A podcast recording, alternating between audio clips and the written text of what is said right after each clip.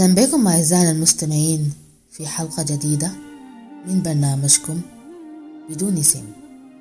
معاينا سراء الضوء. طبعا زي ما عارفين عملنا البرنامج ده عشان تشاركوني قصصكم. ونجيف مع بعض ونقرب لبعض. بس الليلة أنا رح أحكي وأنا الدارة أفضفض لكم.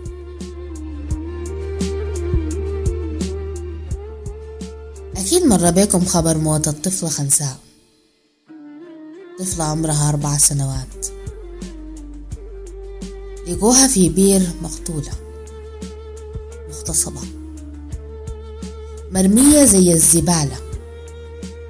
طفلة. ممكن تكون هسي قدر طفلك أو طفلتك.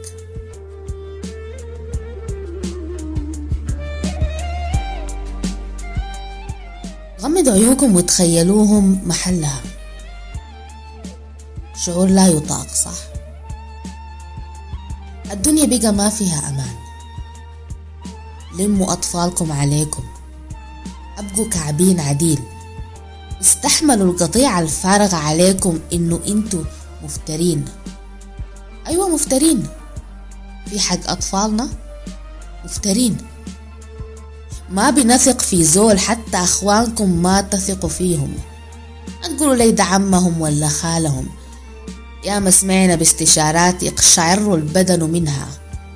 من ناس كانوا ضحايا اغتصاب والجاني العم الخال حتى الجد. الأطفال دي لما يكبروا حيبقوا مضطربين اجتماعيا. الله بيسألكم منهم. ما تقولوا لي الدكان هذا قريب؟ لا. إن شاء الله كان سيد الدكان أخوكم بالرضاعة ما تعملوا له. طفلك أمانة في رقبتك. إنتوا عارفين ليه بيجوا بيستهدفوا الأطفال؟ حوريكم.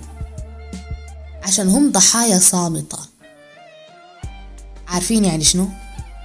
يعني عادي ممكن يقول لهم لو اتكلمتوا ما حيصدقوكم. يا للأسف. يا للأسف دي الحقيقة المعفنة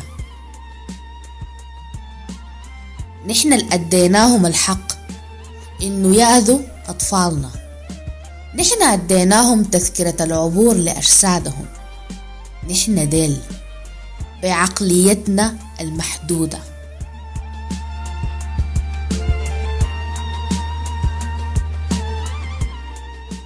يقول لك ده شافع ما عارف اللي بيقول فيهم.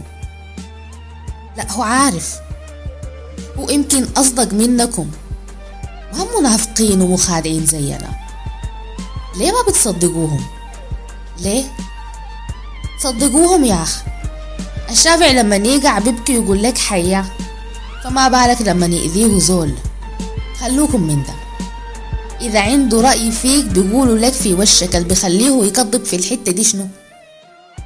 فتحوا مخكم كويس وأمسكوا عيالكم عليكم.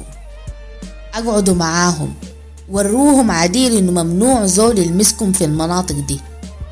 إذا لمسوكم كوركوا أجروا اعملوا أي شي دافعوا عن نفسكم. كفاية المساحة اللي اديتوها ليهم. السجا أوان العقاب.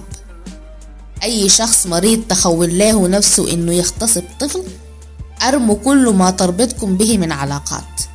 على الأغلب بيكون شخص قريب صديق أخ عم خال أيا يكن. أرموا إنه بينكم عشرة. أرموا أي ذكرى جمعتكم به الشخص ده أذاكم في طفلكم.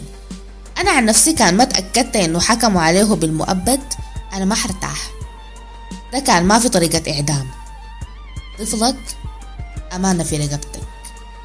بيدك انت تكبر وتبقيه شخص فاعل في المجتمع واثق من نفسه أو تخليه مجرد جسد حايم بدون روح. كله بيعتمد على موقفك وردة فعلك للموقف.